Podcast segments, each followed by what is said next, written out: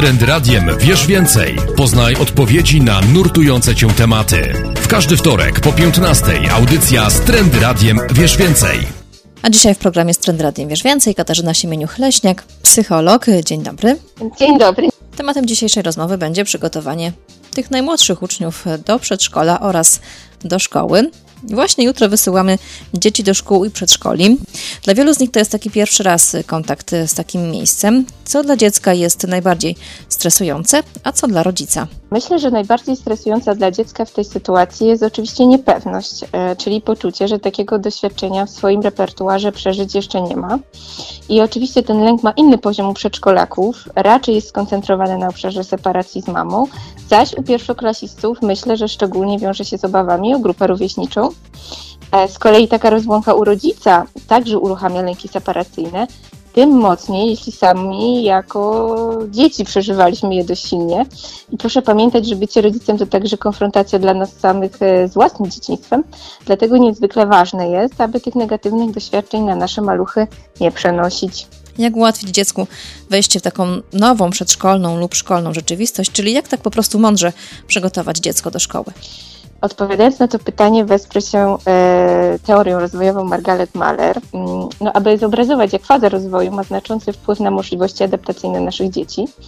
E, I ta teoria mocno podkreśla, iż e, najwcześniejsze doświadczenia dziecka w relacji z matką stanowią taką podwalinę tego, jak dziecko, a następnie młody człowiek, a w końcu dorosły, z w pełni ukształtowaną osobowością będzie wchodził w relacje z innymi, utrzymywał je i potrafił ambiwalentnie, co bardzo ważne, przeżywać.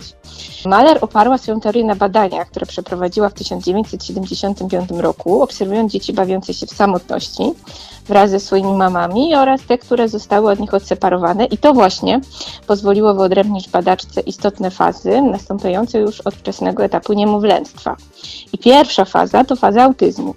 E, czyli okres od narodzin do około drugiego miesiąca życia, kiedy niemowlak skoncentrowany jest tylko i wyłącznie na redukowaniu napięcia i nie ma wówczas miejsca na tworzenie relacji z innymi, ponieważ nie posiada w ogóle świadomości obecności innych. E, kolejna faza to jest faza symbiozy, rozpoczynająca się od około właśnie drugiego miesiąca życia i trwa ona zazwyczaj do szóstego. To jest taki etap, kiedy maluch świadomy jest obecności swojej mamy, lecz ocenia ją raczej jako kontynuację siebie, czyli taką jedność. I w tej fazie umiejętności matki polegające na zaspokajaniu potrzeb dziecka, e, przede wszystkim te dotyczące redukowania nieprzyjemnych stanów frustracji, e, no później stanowią trzon poczucia ufności wobec innych ludzi w przyszłości. I następna faza, z perspektywy naszej rozmowy najistotniejsza, czyli, taka faza separacji, indywiduacji, rozpoczyna się wraz z końcem fazy symbiozy i trwa do około 24 miesiąca życia.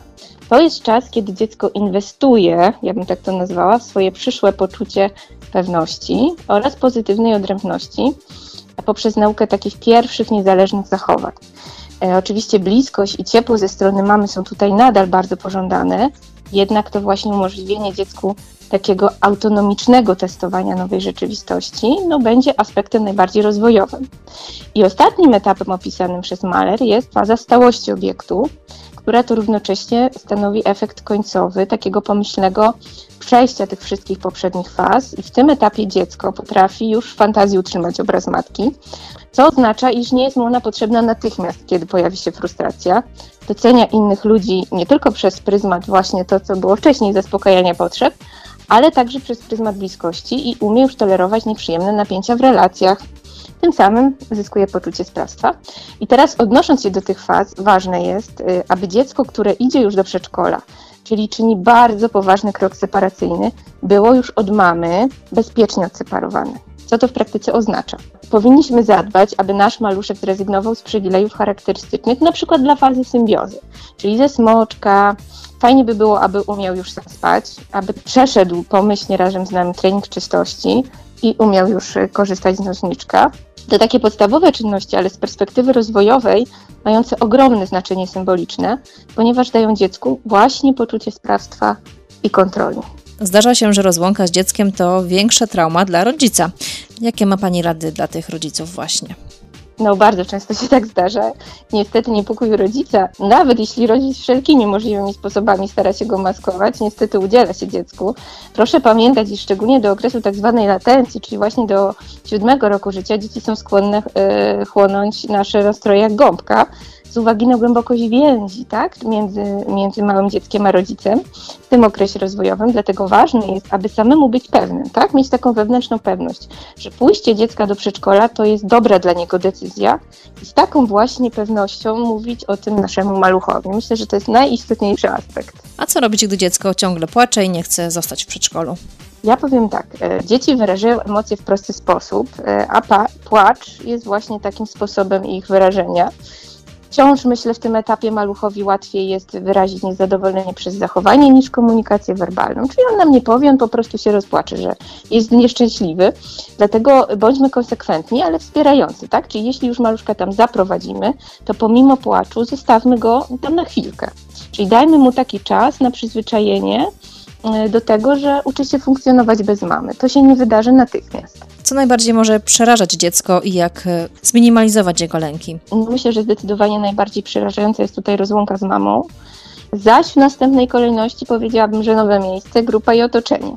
Dlatego, tak jak wspomniałam, zadbajmy o to, by nasze dziecko było już od nas bezpiecznie odseparowane, czyli aby miało w sobie takie wewnętrzne poczucie e, bezpieczeństwa, no i pewną umiejętność tolerowania frustracji i nie wpadania w panikę, kiedy mama znika, tak? To zdecydowanie zależy od nas, szczególnie od mam. W drugiej kolejności zadbajmy o kilkuetapową adaptację, czyli powoli poznajmy razem z dzieckiem miejsce, mm, stopniowo zostawiajmy je coraz dłużej, ale na początku niech to będzie godzinka lub dwie. I najważniejsza zasada na całe rodzicielstwo: nie okłamujmy naszych dzieci, szczególnie tych malutkich Czyli nie mówmy rzeczy, które nie są prawdą, tak? Czyli, że mamusia zaraz wróci, albo że maluszek idzie tylko zobaczyć, jak dzieci się bawią. Dokładnie opowiedzmy, co dziecko będzie robić i po jakiej czynności je odbierzemy. To jest tutaj najistotniejsze. Zaś jeśli maluszek posiada tak zwany obiekt przejściowy, czyli ukochaną pieluszkę, misia, laleczkę, z którą się nie rozstaje, warto pozwolić mu zabrać ją ze sobą. Myślę, że jest to absolutnie konieczne. Jest to takie troszeczkę przeniesienie na ten obiekt mamy, tak? Czyli zdecydowanie wpłynie to pozytywnie na jego samopoczucie. Po powrocie z przedszkola, zaś szczególnie w tym etapie adaptacyjnym pierwszych dni, e, zadbajmy o to, by mieć czas dla naszego dziecka, tak? I po prostu bawmy się z nim, kiedy wróci z tego przedszkola, nie zajmujmy się codziennością. No i dajmy mu przestrzeń na odreagowanie dla niego nowej sytuacji. Ono może być bardziej e, rozkojarzone, może być złe, może, może nagle chcieć z nami spać przez kilka dni i to jest ok, tak? Ono jest w procesie adaptacji i trzeba dać mu czas. W jakim wieku najłatwiej wysłać dziecko do przedszkola? Standardowo mówi się o wieku 3 lata, ja się z tym zgadzam, pod warunkiem, co już jak wspominałam wielokrotnie dzisiaj, że zadbaliśmy o bezpieczną separację, tak? Czyli myślę, że raczej nie tyle wiek, co te wszystkie czynności powinny być takim wyznacznikiem. I pamiętajmy, że pewnie um, ważne jest to, jaki jest kontekst tak, naszej, naszej więzi, historii naszej więzi, czyli czy w historii dziecka występowały ciężkie choroby, pobyty w szpitalach. Takie sytuacje, kiedy ta separacja jest no po prostu niemożliwa w którymś etapie, mogą czasowo ten proces opóźnić i myślę, że wtedy warto wziąć to pod uwagę. I czym różni się przygotowanie do przedszkola 4, 5 czy też 6 latka?